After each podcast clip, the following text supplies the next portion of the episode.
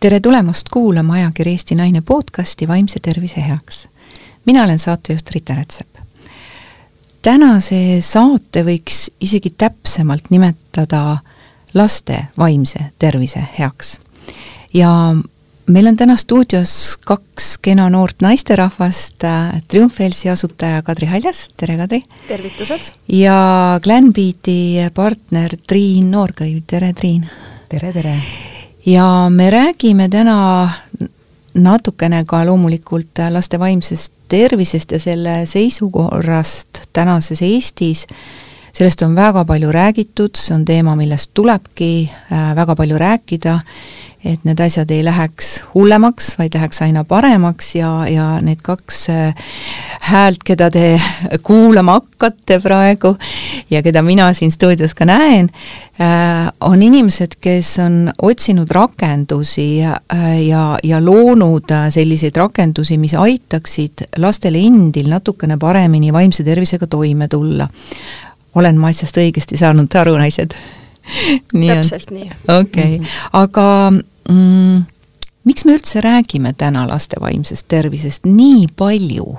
mis teie arvates äh, on viinud meid selleni ja kus me täna üldse siis oleme?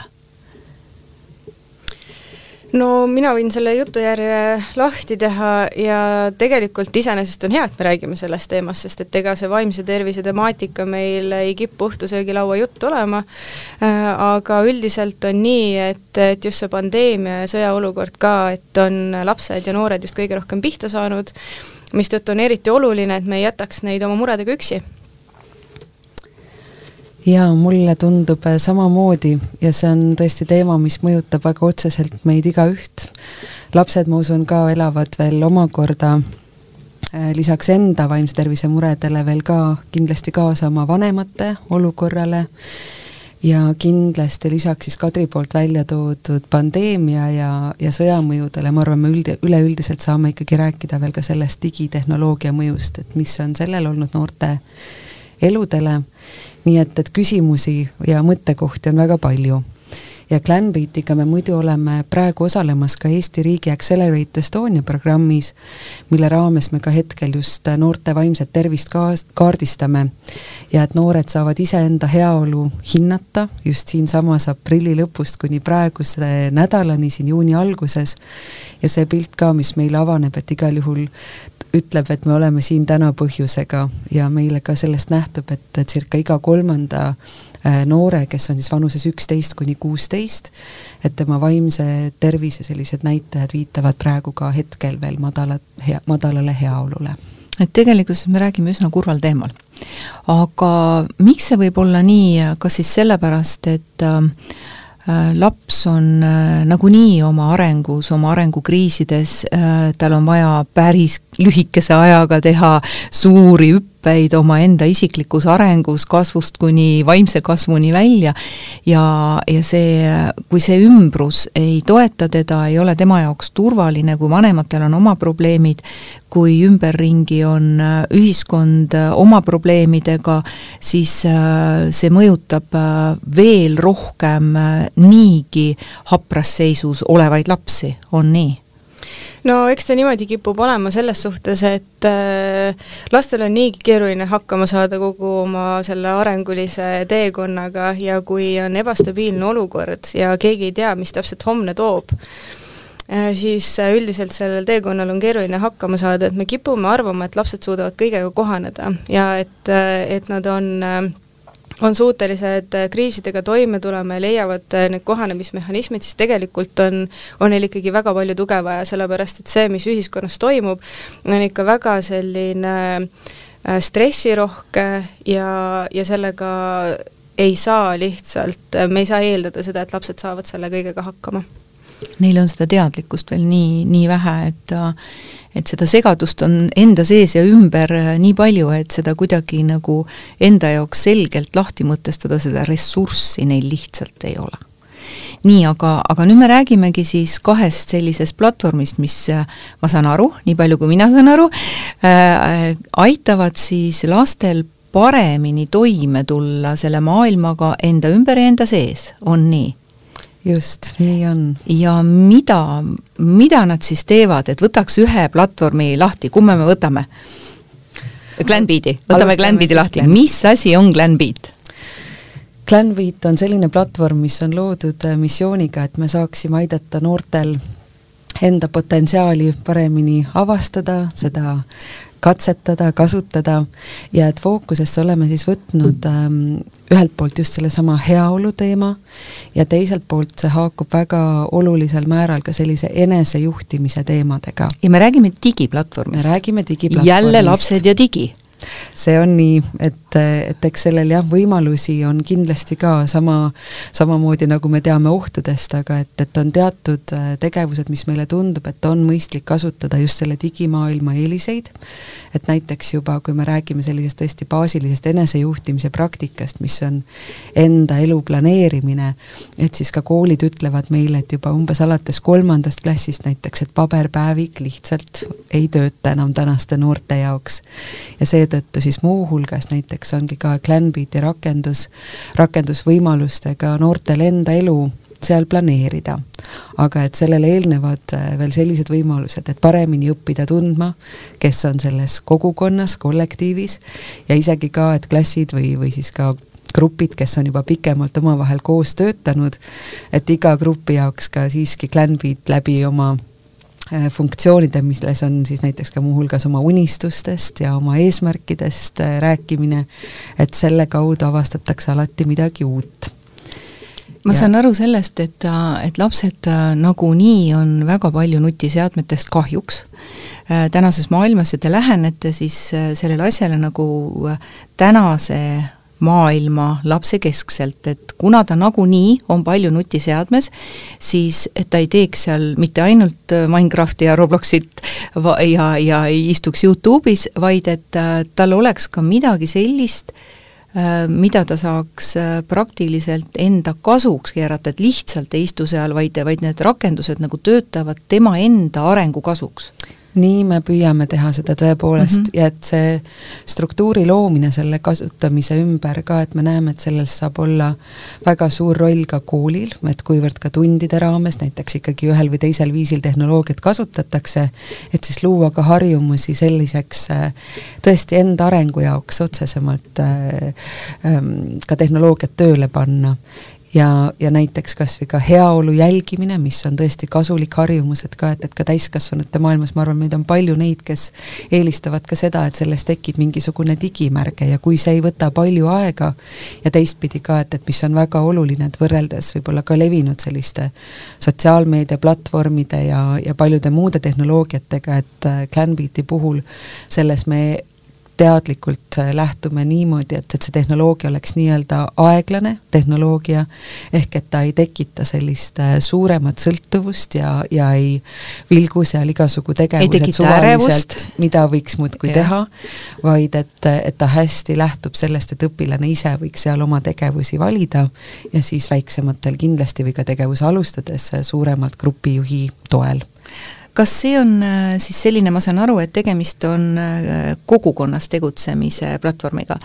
kas seda juhib siis klassijuhataja, inimeseõpetusõpetaja või seda saab juhtida ka lapsevanem, laps ise? Meil on äh, tegelikult näiteid põhimõtteliselt kõigist valdkondadest. ja need on? et äh, ongi ka, et, et on koolides äh, klassijuhatajatele see kindlasti hea tööriist, aga samuti ka võib-olla aineõpetajaid, kes soovivad tõesti pöörata suuremat tähelepanu oma õpilaste sellisele terviklikule arengule ja neil on selline grupp, kellega nad pikema aja vältel ka veidi kohtuvad, et pikem aeg ei pruugi tähendada isegi mitte aastat, küll aga rohkem kui paar korda võiks sellel olla, kus ta, see väärtus hakkab avalduma aga et, et lisaks on meil ka näiteks perekondi, kus on võetud see rakendus kasutusele ja ka huvitegevusi või ka laagreid näiteks või ka malevaid, mis siin suvel on peagi algamas. nii et, et julgustan ka meiega ühendust võtma kõiki, kellel on sellised noortegrupid, aga miks mitte ka juba oma perekonnas, kui on soovi sellist oma kogukondlikku rakendust luua, kus saab pöörata siis tähelepanu nii planeerimisele, heaolule, omavahelisele infovahetusele. aga kui sa ütleksid hästi lühidalt, miks me vajaksime seda platvormi? miks laps vajab seda platvormi? miks Meile... tal on seda vaja? meile tundub, et, ähm, et selline kogukondlik olemise viis, milles on väga suur roll ka digikogukondadel, et see on oluline koos olemine, on Kuulumise koos tunne. kasvamine, kuulumise tunne okei okay. ja et, ähm, et me omalt poolt saame öelda, et me ei ole päris rahul sellega, kuidas sellega tegelevad levinud platvormid nagu Facebook, TikTok, Instagram, mis on äh, võrdlemisi kontrollimatud ja ikkagi ehitatud üles väga suurele ärihuvile, mis on prioriteetsel kohal. et siis võtta kasutusele selline pesa, mis on turvaline, kus ei ole asja kolmandatel osapooltel, kus on garantii, et andmeid ei kasutata turunduslikel eesmärkidel, kus ei vilgu reklaame, mis ei tekita tõesti suuremat sellist sõltuvust, et seetõttu näeme, et, et teadlikult õppimise ja arengu fookusesse seadmine, et see tehnoloogia puhul on veel kindlasti arenguruumi vaja et ma saan aru sellest, et, et kui seal moodustatakse mingi pesa, mingi kogukond selles äh, süsteemis seal, siis väljastpoolt kellelgi sinna asja ei ole, et keegi ei tule sind kommenteerima, näpuga näitama, vaid see laps, kui ta on selles kogukonnas, selles kas siis oma klassi, oma pere, oma malevarühma, sellises mõnusas kogukonnas seal, moodustanud selle pesa, siis selles äh, on ta toetatud äh, ja ta saab seal jagada oma muresid, küsida nõu, õppida, õppida ja kõik selliseid asju teha, et, et, et see ongi see. just, nii see on, et mm -hmm. tõesti, et see oma kogukonnaga tähenduslikult ühenduses olemine, et, et seda soovime kasvatada mm. -hmm. see on siis natukene minu sellise vanema inimese jaoks veidikene kummaline mõnes mõttes, et, et ma ei saa aru, miks peab teda, seda tegema digiplatvormis, kui ma võin seda teha oma klassis ja oma perekonnas ilma igasuguste digivahenditeta. et, et see on selline natuke provotseeriv küsimus, et ma saan aru, et siin on põlvkondade erinevus lihtsalt. siin on põlvkondade erinevus, mida me võime välja tuua ja mida ka meie kasutajad räägivad, on see, et ähm, et me inimestena erinevates keskkondades tegutseme erinevalt. Ja et õpetajad näiteks ütlevad ka, et, et läbi sellise pesa on neil hoopis rohkem informatsiooni ka mõningate näiteks seltskonnas vaiksete õpilaste kohta. Ja samuti see, et kuidas keegi ennast väljendab, et kui me saame pakkuda sellise täiendava komplementaarse võimaluse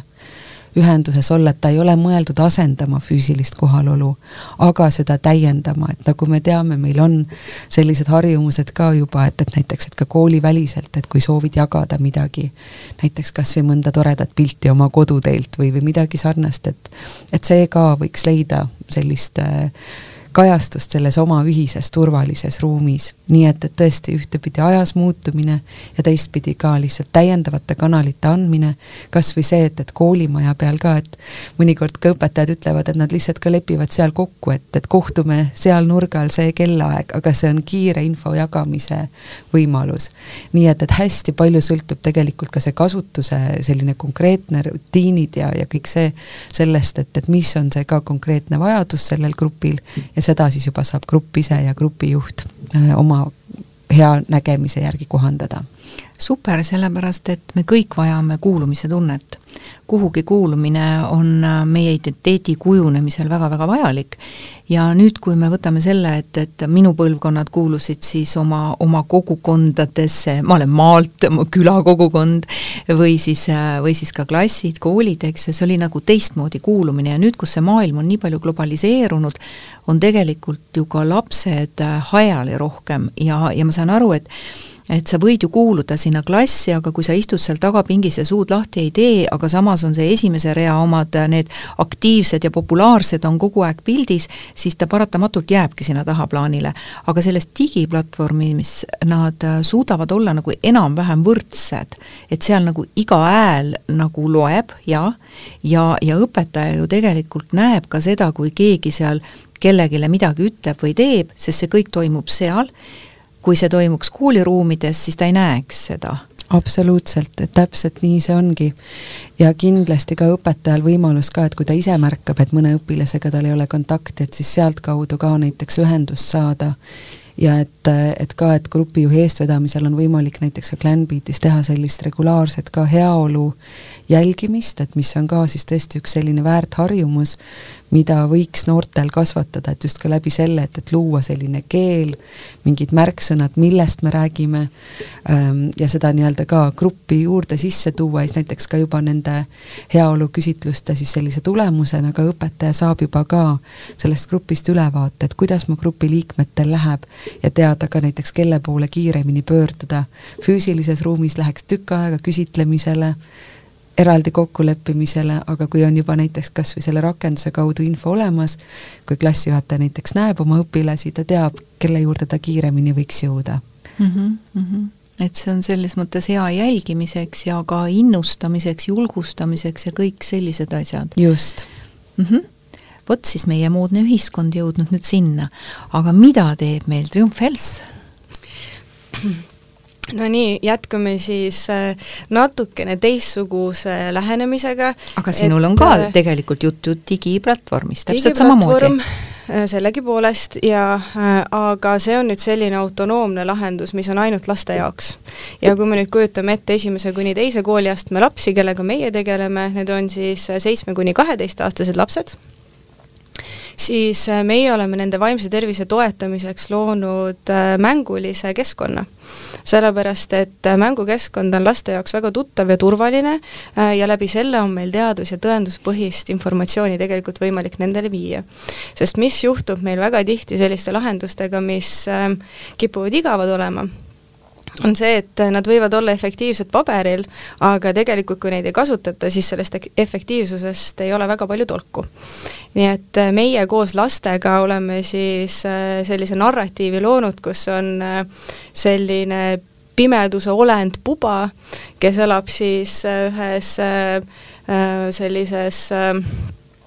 kivi sees nii-öelda või ühesõnaga sellises koopas, kus ta siis ei tohi välja saada ja selleks on lastel erinevad tegevused, mida nad peaksid siis tegema selleks, et hoida see triumfland, kus see tegevus toimub, äh, hoida helge ja päikeselisena, et seda tumedust ei tuleks sinna peale. Ja siis äh, põhimõtteliselt lapsed õpivad läbi erinevate tegevuste, me ei eelda seda või see mäng ei eelda seda, et laps ongi ärev, või depressioonis või teda kiusatakse, aga ta õpib lahendama teiste laste muresid ja läbi selle, kui ta ise satub mingisse konkreetsesse situatsiooni, et tal on olemas need äh, oskused tegelikult, et kuidas käituda ja, ja see tegelikult on täiesti personaliseeritud lahendus selles mõttes, et äh, vastavalt sellele, mis lapse enda tugevused ja nõrkused on, et vastavalt sellele on selle mängu kulg. ja, ja siis seal on neil virtuaalne kaaslane, kes nad ise saavad valida mis looma nad soovivad ja, ja, ja selle tegelasega saab siis kogu aeg dialoogi astuda ja vastavalt sellele, mis vajadused on, saab sealt kas sellist võimestamist või sellist psühhoharivat sisu või juba psühhoterapeutilisi tehnikaid. ja need tehnikad on ka siis sellised, et seal on erinevatest koolkondadest on tehnikaid ja, ja tulevad just neid äh, tehnikaid rohkem ette, mis lastele rohkem meeldivad, sellepärast et kõikide jaoks ei, ei sobi selline kognitiivkäitumisteraapia näiteks, kõikidele ei sobi sobi teadvelolekupõhised tehnikad, et vastavalt sellele, mis lapse enda mis, mis tema nagu näeb, et talle kõige rohkem sobib, siis seda ta sellest mängust saab. ja hästi oluline ongi see, et me tegelikult tahaksime ju aega tagasi võib-olla keerata ja üldse mitte seadmeid kasutada ja ja, ja minimeerida seda ekraaniaega, aga tegelikult mida tehnoloogia meil võimaldab tekitada, ongi see harjumus. juba see sõna käis läbi, see on väga tähtis, sellepärast et meil ei ole tegelikult kujunenud välja seda harjumist, harjumust oma vaimse tervise eest hoolitseda. ja mida varem me sellega alustame, seda suurem on ka sellel efekt. et see sellepärast äh, me lastele kogu aeg niimoodi jaokaupa nii-öelda, siis äh, seda infot edastame, et see ei oleks nagu ülevoolav, et seda ei oleks liiga palju, aga et seda oleks täpselt sel ajal piisavalt, kui lapsel seda vaja on. kas ma sain õigesti praegu aru, et äh, ka lapsed on selle rakenduse juures olnud nii-öelda natuke loojatena või kontrollijatena või testgruppidena või kuidas see on töötanud või ke-, kes selle üldse loonud on? Äh, see on täiesti meie enda meeskonnas äh, loodud lahendus, äh, me alustasime tegelikult kuus aastat tagasi ja väga oluline ongi see, et esimesed paar aastat me tegelesimegi laste kaasamisega selles suhtes, et meil on, mina ise olen lastepsühholoog ja meil on meeskonnas veel mitmeid psühholooge teistsuguse väljaõppega, et me teadsime seda sisu, mida me klinitsistidena tahaksime nagu lastele viia, aga kuidas, no meie ei ole, meie ei ole need eksperdid, lapsed ise on eksperdid, mis neile meeldib. ja sealt see mängukeskkond tuli ja sealt see narratiiv tuli, äh, kogu see temaatika ongi Äh, käinud selle ümber, et lapsed siis äh, saavad ise öelda, mis neile meeldib, kogu aeg kaasame mitte ainult lapsi, aga lapsevanemaid ka, ja samamoodi meditsiinipersonali selles suhtes, et mitte ainult, mitte ainult psühholooge, vaid ka, vaid ka arste, et oleks võimalik võimalikult mitmekülgselt lastele läheneda. Ja, ja, ja oluline selle juures ongi see, et laste vajadused muutuvad kogu aeg. Ja tehnoloogia võimaldab tegelikult neid vajadusi katta. Kui me muidu traditsiooniliselt, me ei saa ju skaleerida vaimse tervise tuge, me teame nagunii seda, et meil ei ole piisavalt spetsialiste ja me ei saa oodata viis aastat, et siis tuleb rohkem peale siis me saame tegeleda nende muredega, need lumepallid on lihtsalt nii suureks läinud selleks hetkeks, et me saame seda selles sellise barjääri vabalt või nagu alguses siis äh, tehnoloogiaga tegelikult äh, leevendada mingil määral, aga kui me seda teeme, siis tõesti koostöös nendega, kes päriselt seda kasutavad, ehk siis meie jaoks ongi need olnud lapsed erinevatest kultuuriruumidest, tegelikult Singapurist kuni Guatemalani välja, ka selle eesmärgiga, et see oleks kultuurideülene. et see ei oleks ainult Eesti lastele sobilik, et näiteks nüüd äh, me pakume lahendust ka Ukraina sõjapõgenikele, tänu sellele me oleme teinud kogu oma maailma ümber, meil oli enne maagiline linnakeskkond, nüüd on meil looduskeskkond, sellepärast et linnakeskkond ei ole laps, laste jaoks enam turvaline, eriti sõjapõgenike jaoks, teiselt poolt Eestis on näidatud statistikat, et äh, lapsed kardavad metsa, me tahame ka seda julgustada, et ikkagi tegelikult seda lood-, et loodus on väga tore ja minge ja käige ja olge ka päriselus, et põhimõtteliselt kõik tegevused, mis selles lahenduses on ka, eh, julgustavad siis seda kõike rakendama päriselus ka mm. -hmm. see on päris globaalne ettevõtmine tegelikult ja, ja tõesti, see on, selles mõttes on äh, hea nagu tõdeda, et tõesti kõik lapsed ei jõua psühholoogideni, psühhiaatriteni Äh, nad ei oska sinna kas ise pöörduda või, äh, või ei oska vanemad neid suunata või vanemad ei taha neid suunata, ka sellist valeäbi on väga palju, kus, kus keelatakse tegelikult lastel ühendust võtma ja võtta äh, spetsialistiga ja pigem öeldakse, et saa hakkama või pole see asi nii hull midagi, et, et nüüd seda nagu laiendatakse, et see teie platvorm nagu laiendab seda ja ja iga laps jõuab sinna, kui ta, kui ta seda vajab ja tahab ja saab sealt ka oskused. et kui me võtame, meil on Peaasi, meil on laste infoabi telefoninumbrid, kuhu saavad ka lapsed helistada ja ja rääkida need asjad välja, aga väga oluline on ka see, kui sa saad läbi mängida selle, et sul tõesti tekib ka harjumus juba kas siis abi otsida või probleeme lahendada. et, et inimene ju mõtleb visuaalselt ja, ja teil on see visuaalne pilt seal olemas. ma vaatasin, teil on nagu kaks erinevat mängu seal, et mis nende erinevus on? põhimõtteliselt on äh, meil üks lahendus, mille nimi on äh, äh, Triumph Hero ja see on täiesti tasuta rakendus, selline õhem versioon siis meie täisversioonist. täisversioon versioon on, äh, on Triumph Land Saga ja see on siis meil äh, näiteks erinevates kohalikes omavalitsustes kasutustel läbi koolide. aga üldiselt äh, noh, sisuliselt ma võin öelda, et seal ei ole nüüd niivõrd palju oluliselt rohkem sisu selles täisversioonis, sellepärast et tegelikult need baasoskused, probleemilahendusoskused meil Eestis on ka tegelikult, kui teismelistest lastest rääkida siis äh, või noh, neil ei ole viisakas laps enam öelda, nad ise ju seda noor, ei taha. noor just. et äh, tegelikult ei ole seda emakeelset sõnavara üldsegi, kuidas ennast väljendada, äh, oma emotsioone tuvastada, kuidas neid üldsegi siis reguleerida saab, kui sa ei tunne neid äragi. et tegelikult need on üsna baasasjad, mida meil on vaja kogu aeg meelde tuletada lastele, sest üks probleem on ju meil väga suur, mis on seotud tähelepanu hoidmisega, mis on kõik needsamad asjad, mis juba enne said räägitud ka eriti TikTok on ju, kui sul on äh, äh, tähelepanu suudad hoida ühel videol kaks koma üks sekundit, siis äh, kuidas sa suudad nii lühikese ajaga näiteks selgeks teha mingisuguseid erinevaid printsiipe, mis on väga sisemised ja mis on veel sellised, mis on nagu olemuslikud ja nähtamatud, on ju, et sa ei näe neid vaimse tervise vaimse tervisega seotud asju, et äh, ma just mõtlesin, et kuidas äh, te suudate, suudaksite panna nagu lapsed keskenduma, sest et noh, mida mina ka kabinetis päris, päris palju näen, on just nimelt keskendumisprobleemid, eks, ärevuse, ärevuse teemad ja kõik muud sügavamad veel sealt edasi, mis on tulnud väga palju just nendest digimaailmadest, et kogu aeg viskab sulle flash-flash midagi ette ja, ja sa ei suudagi nagu keskenduda, sest aju saab äh, uut informatsiooni nii kiiresti, et, et selliste pikkade tekstide lugemine on tänaseks päevaks juba tõsine probleem probleem. et äh, kas teil on tagasisidet äh, teil mõlemal, et kas on sellist tagasisidet, et et lapsed kas suudavad seal keskenduda, kas nad suudavad mängida seda, et et te konkureerite mõlemad ju väga vingete platvormidega, no kõige, kõige vingem praegu on Roblox, eks ju, et Minecraftist on juba natukene minevik, et, et kuidas te suudate neid seal köita, siis? See peab olema, kui me midagi ära võtame, siis me peame midagi väga vinget tasemele andma, et nad sellega nõus on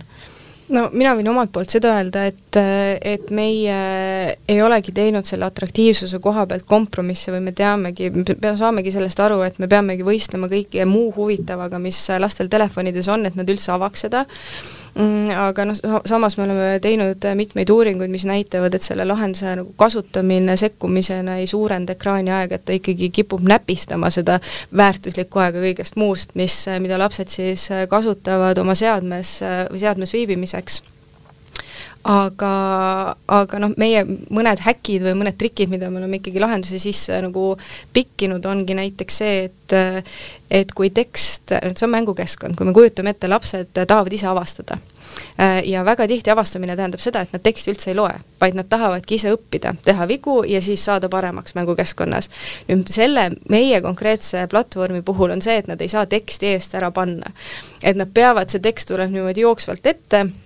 Nad peavad seal, nad saavad äh, X-i panna või risti kasutada alles siis, kui see tekst on ära jooksnud ette.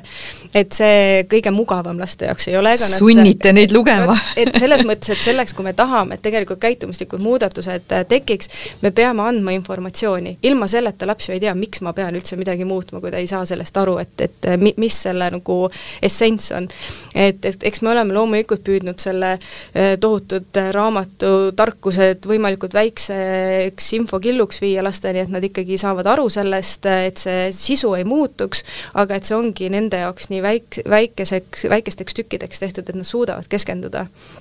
Sest äh, see tegelikult, äh, me võime tahta tõesti anda väga palju infot, äh, aga see enam ei toimi tänapäeval, et et me, et me anname nagu suurtes kogustes, sellepärast et seda lihtsalt ignoreeritakse siis. no seda ei suudeta vastu võtta, sest aju ei ole enam sellega harjunud. ma, ma räägin teile ühe, meie kuulajatele ka vahepalaks sellise väikese, väikese lookese, mida rääkis mulle Tallinna Energiaavastuskeskuse äh, juht siis äh, vahetult pärast seda, kui see asutus tuli remondist ja see asub siin Tallinnas Põhja Puiesteel, selline tore ja vahva avastuskeskus ja, ja siis lapsed olid siis sisse lastud sinna ja natukese aja pärast tuleb üks väike, väike poiss ja ütleb sellele, onu, see ei tööta. siis ta mõtleb, et no mis asja, me just praegu teeme selle lahti ja ei tööta. Läheb siis sinna juurde, proovib, vaatab, täitsa töötab, eks ju. Läheb natuke aega mööda, tuleb järgmine poiss. onu, see ei tööta teil.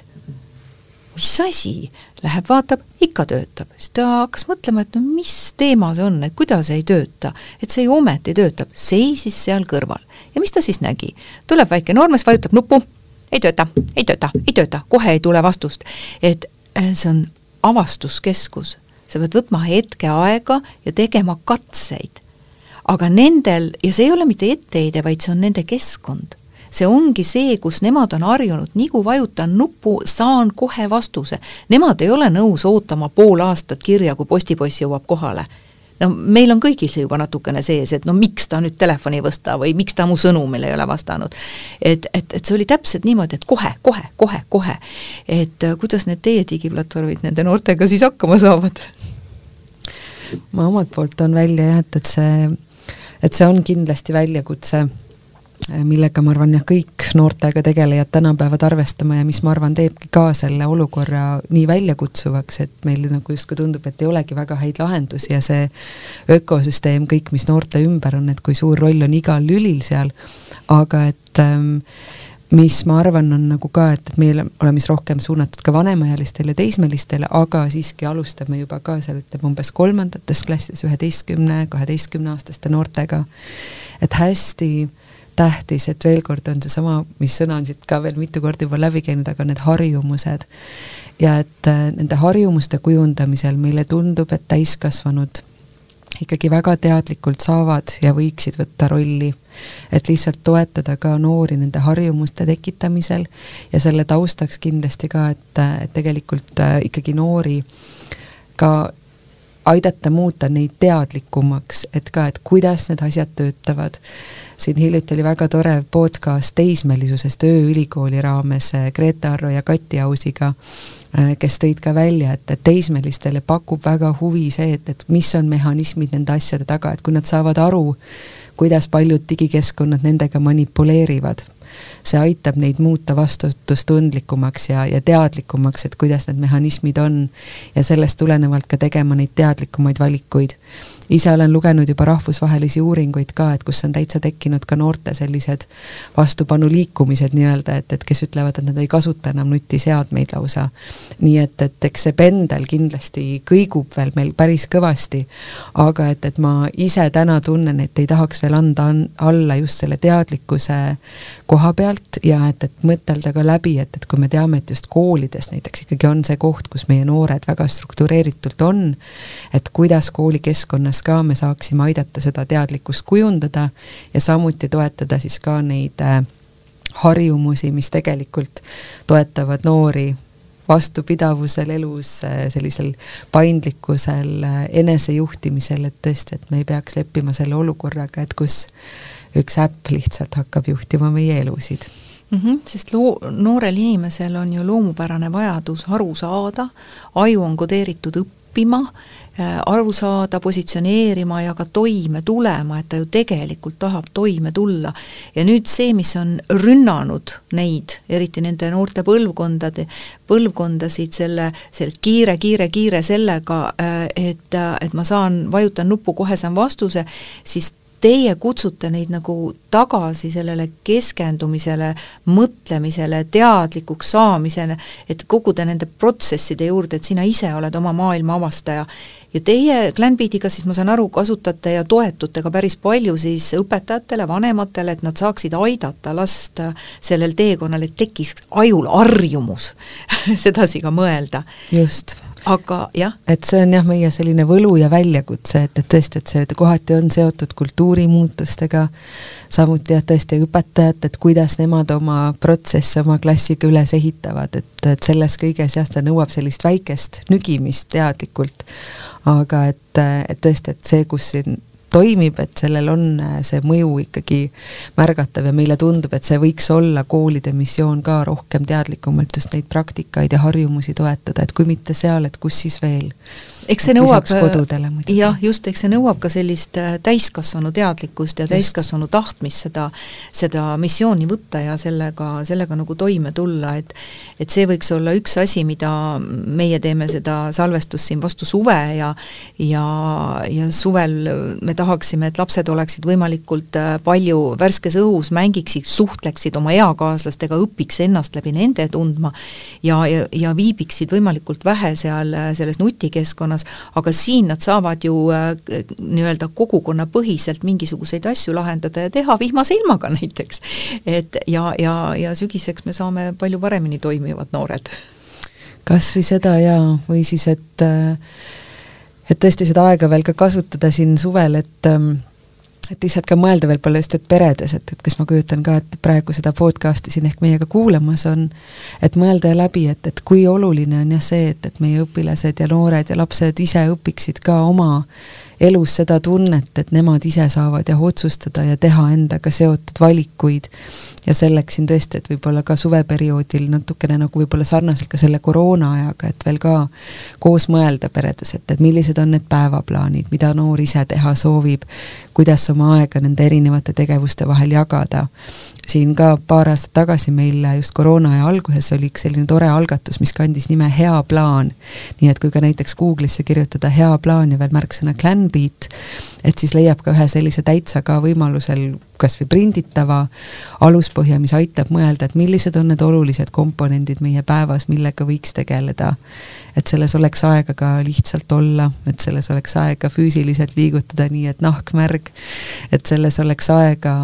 tähenduslikeks vestlusteks, suheteks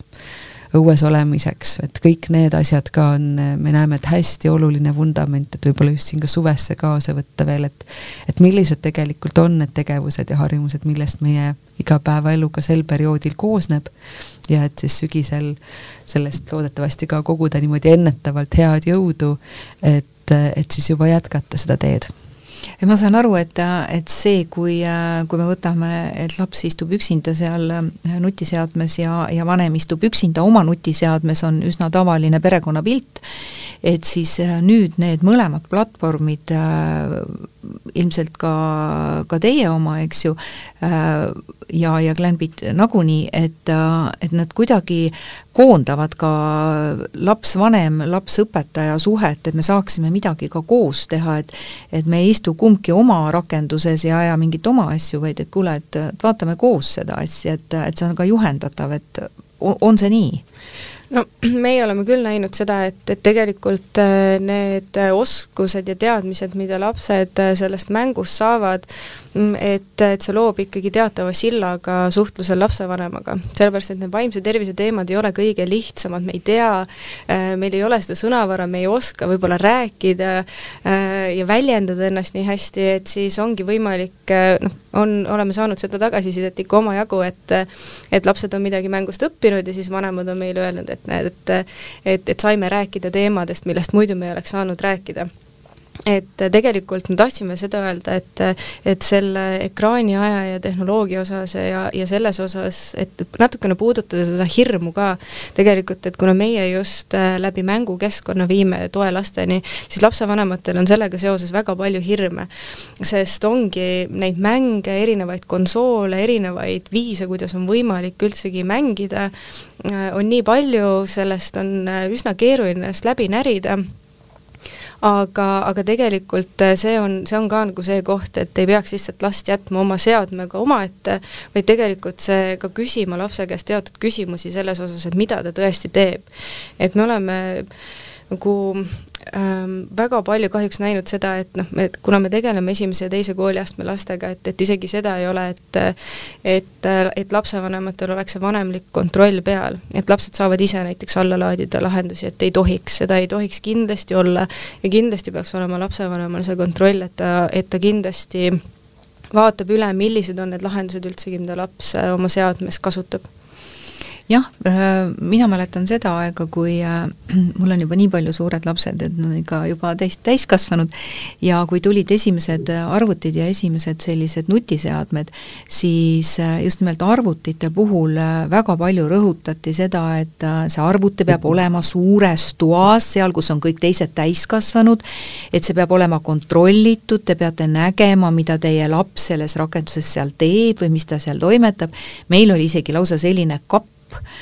mis käis sedasi kõr-kõr-kõr-kõr, tõmbasime ukse kinni ja käis alt lukku, et äh, niimoodi kontrollisime, niimoodi pandi piiranguid peale ja siis iga kord, kui laps sinna läks, siis sa nägid. et, et üks asi on see vanemlik kontroll ja teine asi on see, et, et kui me teame, millega laps seal tegeleb, mis on see maailm, mille vastu tema huvi tunneb, siis see annab ju tegelikult ka suhtlussilla. et ma tunnen huvi sinu tegemiste vastu, üks asi on jah, kontrollimehhanism, aga teine asi on ka see, et me saame, näita mulle, mis sa seal teed, kuidas sa mõtled, mis on see sinu,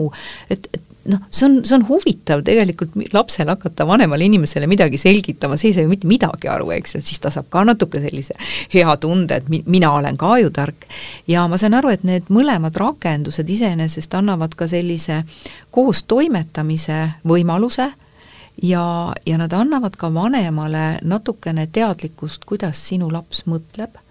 Äh, sa ei lähe ju otse küsima, kuidas sa hakkama saad. noh,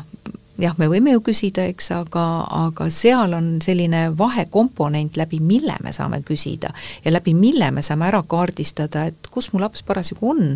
ja missuguseid asju ta sinna juurde vajab. ja ma saan aru, et laps ka ise leiab sealt siis erinevaid selliseid äh, tunnete kohta, toimetuleku kohta selliseid oskusi jah, meie lahenduse puhul on, äh, ehk siis Triumph Hero osas on, on sedasi, et, äh, et tegelikult me oleme püüdnud seda võimalikult kaasahaaravaks laste jaoks teha, et äh, näiteks vaimse tervise tehnikad, sellised psühhoterapeutilised metoodikad ongi sellised, mida lapsed saavad koguda. lastele väga meeldib koguda erinevaid asju ja kõige, kõige tähtsam ongi see, et kui seda korra näiteks mingit hingamisharjutust või visualiseerimise harjutust läbi teha, siis ongi, jõuame jälle selle tähelepanu hoidmise juurde ja, ja kiire unustamise juurde, ehk siis kas, kas sellest ka äh, jätkub see, et laps hakkab harjutama läbi, näiteks ta teeb tegelikult neid harjutusi, aga kui nad koguvad ja siis märgivad ise ära, mis neile, mis need metoodikad kõige rohkem meeldivad, see annab neile sellise hoopis teise dimensiooni tegelikult sellele, äh, sellele teemale, nii et äh, jah. Nad saavad iseenda peal nagu ära kogeda, mis tema jaoks on hea. me ei tea ju, mis on, noh, läheb kuskile terapeudi juurde, see, aga see ei sobi mulle võib-olla, see ei ole üldse minu loomusega, ei klapi kuidagi kokku. aga seal ta saab katsetada, proovida ja saab enda füüsilises kehas ära tunda, et oo, see aitas mind, ta saab kogemuse. No meil ju natukene Eestis see mure on, et äh, kui me vaimse tervise spetsialisti juurde ootame oma aega kuni pool aastat ja, ja siis, kui me sinna korraks juba saime, siis kindlasti hoiame ka kümne küünega kinni, aga teine, teine asi on see, et kas see metoodika üldse meile sobib, ega meil valida nagu variante ei ole selles mõttes, et, et peame leppima sellega, mis on, aga just tehnoloogia puhul ongi see hea, et sinna saad ju panna sisse väga palju erinevaid metoodikaid ja lasta äh, valida siis lapsel, mis tegelikult talle meeldib, et ei ole ühe äh, koolkonna põhine, on erinevad koolkonnad äh, ja, ja niimoodi ongi lapsel võimalik valida see, mis talle tegelikult endale mm. kõige rohkem sobib, sest vaimse tervise teekond on absoluutselt iga inimese jaoks erinev. täiesti individuaalne ja siin ei ole niimoodi võimalik, et lööme ühe puuga ja käime täpselt sedasama rada, vaid see rada ongi inimese jaoks äh,, iga, igaühe jaoks on erinev, peaasi, et me läheme sellele teekonnale, et me üldsegi hoolitseme oma vaimse tervise eest. me üldse teadvustame seda, et siin on, siin on see, et tehnoloogia tuleb keerata enda kasuks, et kõik asjad on ju tegelikult head, oma algses plaanis on nad ju väga head, aga kui me hakkame neid valesti ja üle tarbima, doos läheb valeks, siis läheb tasakaal ka paigast ära. et pigem, pigem siin on siis nagu erinevad, ma saan aru, see psühhoteraapia koolkonnad, eks ju, nii nagu sa ütlesid, et seal on erinevad metoodikad ja, ja nüüd see lapse käitumine muutub läbi siis selle sisemise mängu, mida ta siis läbi teeb seal. läbi selle mängimise ta saab aru, et aa, selle puhul aitab mind see, selle puhul see ja see salvestub inimesel ju rakumällu. tegelikult see on tööriist, mille ta saab ja, ja kui ta on sellises situatsioonis, kus ta on mänguliselt siis olnud, siis päriselus ta teab, mida kasutada sest tal on juba kogemus, tal on olemas kogemus, kust tööriistakohvrist seda võtta, see ei kao kuhugi ära. Täpselt täpselt nii ongi. Mm väga super. et, äh, et on teil sealt mingisugune selline mõnus tagasiside ka tuua, mida lapsed on ise välja toonud, et oh jess, see aitas mul või et kuule, noh, ma lihtsalt toon oma näite, et äh, sellise väikse vahepala siia, kui äh, ma kasutan hästi palju tunnete, tunnete sõnavara laste puhul, et arendada seda tunnete keelt, et mida paremini sa saad iseendast aru, seda paremini sa tuled ju iseendaga toime, et, et kui su sees on mingi protsess, millele sa ei oska nime anda, seletust anda, sest see tekitab lihtsalt abstraktset ärevust. ja, ja siis mul on niisugused tunnete raamatud on seal ja mäletan, ühe poisiga me töötasime viha kallal ja ja, ja siis äh, ühe korra niimoodi lugesime, vaatasime ja järgmine kord tuleb, ütleb, tead, Rita,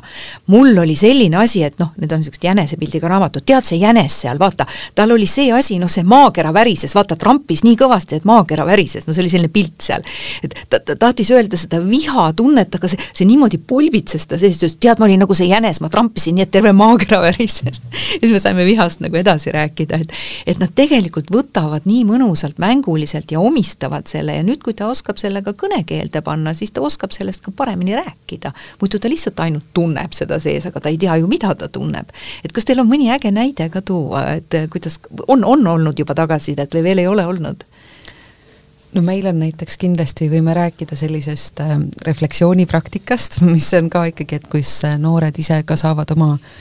nädalat või, või mõnda oma jaoks olulist sündmust analüüsida ja siin on tegelikult ikkagi õpetajad rääkinud tõesti, et et see, millistelt noortelt nad kuulevad ja, ja mida nad kuulevad, et on olnud nende jaoks täitsa ka maailma muutev, et, ähm, et kuidas on ka just noored saanud mingi kanali, kuidas ennast avada. on nad täitsa midagi konkreetset välja toonud? Äh, võin rääkida näiteks ühest loost võib-olla, kus, äh, et saan niimoodi rääkida, et see on üldistatud kujul, aga et tõepoolest, et üks ähm, et see oli isegi lausa lõpuklassi õpilastest, kes oli siis lõpetamas üheksandat klassi ja kus tõepoolest õpetajatel tegelikult ei olnud kuigi aru saama sellest noorest, et pigem selline pealispindne üldmulje, aga et ka, et, et kasutades siis klassiga Glenbeati äh,, selle konkreetse tüdruku siis ka klassijuhataja ütles, et, et see maailm, mis selle tüdruku sees selle kaudu avanes, et ütles tõesti, et selle kooli lõpuks ka, et, et neilt said nagu hoopis teise suhte ja selle pildi, et kes see inimene on, kes meil siin koolis on olnud ja ja millisel viisil ka suhestuda. või siis on näiteks ka üks ma saan aru, see oli positiivne ka teiste ja. jaoks, et et järsku keegi, kes klassi kontekstis igapäevaselt ei avanud ennast selles digikeskkonnas, julges ennast avada ja järsku said kõik aru, mis seal sees tegelikult toimub, jah? just, ja siis üks võib-olla ka konkreetne näide, et kuna tõesti seal on ka võimalik märkida enda huvisid ja unistusi, et siis näiteks ka oli äh, üks noormees, kes sealt märkis, et tema soovib saada mm, paremaks avalikuks esinejaks. ja klassijuhataja kirjeldus sellest ka, et mis tundega ta nägi seda noormeest tegemas äh, koolis äh, põhikooli lõpukõnet õpilaste nimel. et ütles ka, et tema jaoks nagu need maailmad jooksevad kokku ja tõepoolest tekib selline laiem teadmiste väli või ka teemad, millest rääkida, et seda see rakendus võimaldab ja meil ka, et kui nüüd enne oli veel juttu lapsevanematest, et siis ka, et meil lapsevanemaid täna otse konkreetselt osapooltena selle rakenduse juures ei ole, aga et saab teha seda koostööd ja jagada ja samuti ka, et näiteks ka heaolu jälgimisel, et üks selliseid äh, põhisoovitusi meil ka noortele on, et tegelikult rääkida oma muredest enda jaoks usaldusväärsete täiskasvanutega, et on need vanemad, on need koolist keegi, on võib-olla trenni juurest, on võib-olla noortekeskusest, et kust iganes, aga et nad julgeksid ise rohkem rääkida ja et normaliseerida seda soovitust, et tõesti, et me jagame oma muresid. et see on midagi, mis on hästi oluline siit ja ka veel oleme siin just sel kevadel teinud ka veel noorte fookusgruppe, et millest tegelikult jah, tuntakse väga puudust, on sellised mõistlikud, kuulavad täiskasvanud, et ka, et kui siin raad-, raadio või podcast'i kuulajate seas on neid, kes leiavad endas seda äh, tugevust või, või valmisolekut, et tõesti noortega lihtsalt rääkida nii, et, et olla valmis päriselt kuulama ja aidata äh, noortel endas kuidagi paremini äh, mingitel teemadel avaneda, et, et siis see on, ma arvan, üks selline kõige inimlikum soovitus, mis ka tehnoloogia valdkonnast loodetavasti sellist väikest impulssi või tuge saades, aga et, et seda inimlikku kontaktivajadust, ma arvan, noored vajavad alati. Absoluutselt ja seda, seda just nimelt julgustada, et nad äh, pigem kapselduvad endasse ja ja sellest on küll räägitud, aga, aga kuidagi sellel hetkel nagu tõmbutakse endasse ja ei, ei, ei väljendata ennast, et seda teadlikuks tuua, seda, seda teha, et et näiteks ma, ma ise toon sellise näite, kui hästi see töötas, kui ma olin koolipsühholoog ja, ja me jagasime klassijuhatajaga nagu klassi pooleks, poisid olid näiteks temaga, tema, tüdrukud minuga ja siis mingi järgmine nädal vahetasime ära, et ei pea olema probleemi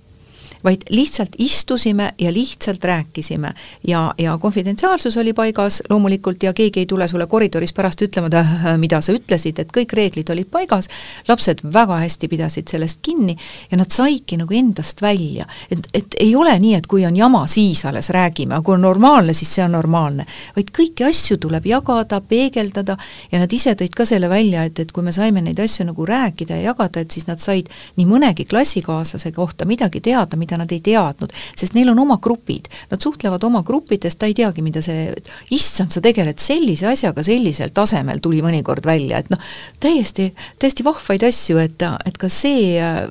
lõi nagu selliseid uusi kokkupuutepunkte. et, et väga-väga, väga vahva, et selliseid asju tulebki julgustada, aga, aga mida teil Triumfelsiga on tulnud välja, et et, et kas seal on mingisuguseid selliseid äh, konkreetseid tegelikult jah, meil äh, Triumph Hero mängus on, äh, on selline äh, asi, et ka see kuulumine on väga oluline. Ja meil ka siis vastavalt sellele, et millises riskis tegelikult lapsed on või milli-, millises seisus nad vaimselt on, vastavalt sellele siis neid jaotatakse erinevatesse gruppidesse, mitte selle järgi, et oo, sa nüüd kuulud ärevate gruppi, vaid selles osas, et, et milline superkangelane võib sinust sellel teekonnal saada ja sa oled näiteks, kuulud väledate klassi või oled nagu Hulk või, või mõni muu superkangelane, siis lapsed omavahel arutavad seda, mis gruppi sina kuulusid, mis, mis klassis sina oled et see on selline huvitav asi ja teine, teine asi on siis see, et et need tegevused toimuvad meil mängus niimoodi, et väga üllatav on see, et lastele meeldivad kõige rohkem sellised missioonid, kus on teistel elanikel, siis on murepilved on pea kohal. ja kui murepilved on pea kohal, siis neil ongi mingi probleemsituatsioon. ja siis on erinevad variandid, et kuidas seda lahendada ja lapsed just ütlevadki, et neile meeldib teisi aidata. Nad alguses, mõned on päris keerulised situatsioonid ka, nad ei oska nagu kohe vastata õigesti aga mida rohkem nad läbi teevad, siis nad oskavad leida sellised lahendused, mis on nagu adekvaatsemad. ja neile väga meeldib see tegelikult, et ja, ja kogu see suhtlus või kõik dialoogid nii-öelda on ka ette kirjutatud, et selles suhtes, et nad õpivad sellist, see sotsiaalne suhtlus on ka läinud meil väga teistsuguseks, et et see kuuluvus ja, ja need suhted võivad ka digitaalselt olla, olla väga hästi nagu äh, representeeritud või selles suhtes, et ei ole see tehnoloogia mingi halb alternatiiv, vaid ta ikkagi aitab väga palju seda kõike pärisellu tuua noh, eks nad toovad äh, igasugustest mängudest oma, oma asju nagunii pärisellu, äh, ole, olen näinud, kuidas äh, virtuaalselt keegi kellegilt midagi virtuaalselt ära varastab, mingisuguses mängus petab ja siis nad tulevad kooli ja siis nad füüsiliselt kaklevad selle virtuaalselt pihta pandud asja pärast. et keerame selle asja nüüd nii, et toome selle virtuaalsuse, mis, mis teie platvormid on, positiivses mõttes ellu, et tegelikult ega see aju väga vahet ei tee, see, kas see asi sünnib tegelikkuses või virtuaalselt, tema jaoks on see nagunii tegelikkus. mul on väga hea meel, et tulite ja neid äh, kahte ägedat äh, sellist tööriista äh, jagasite, et kui mina nagu lugesin nende kohta, siis mul on tänaseks või praeguseks siin hoopis teistsugune pilt nendest, veel ägedam pilt. et need on tõesti vaimse tervise tööriistad meie noortele mida nad saavad äh, kasutada ja nad on ka tööriistad tegelikult äh, lapsevanematele, äh, mida nad saavad siis õpetada ja lapsega koos kulgeda. et, et aidata last sellel teekonnal ja, ja muidugi ka õpetajate poolt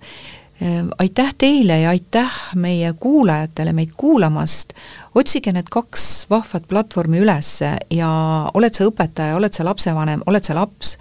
et äh, vaata sellele otsa ja tõepoolest, see teenib sinu enda vaimse tervise huve, et niimoodi me saame teadlikumaks, kui me saame teadlikumaks, me saame tugevamaks ja siis on tugevam ka meie ühiskond. aitäh teile! aitäh! aitäh! ja aitäh meie kuulajatele!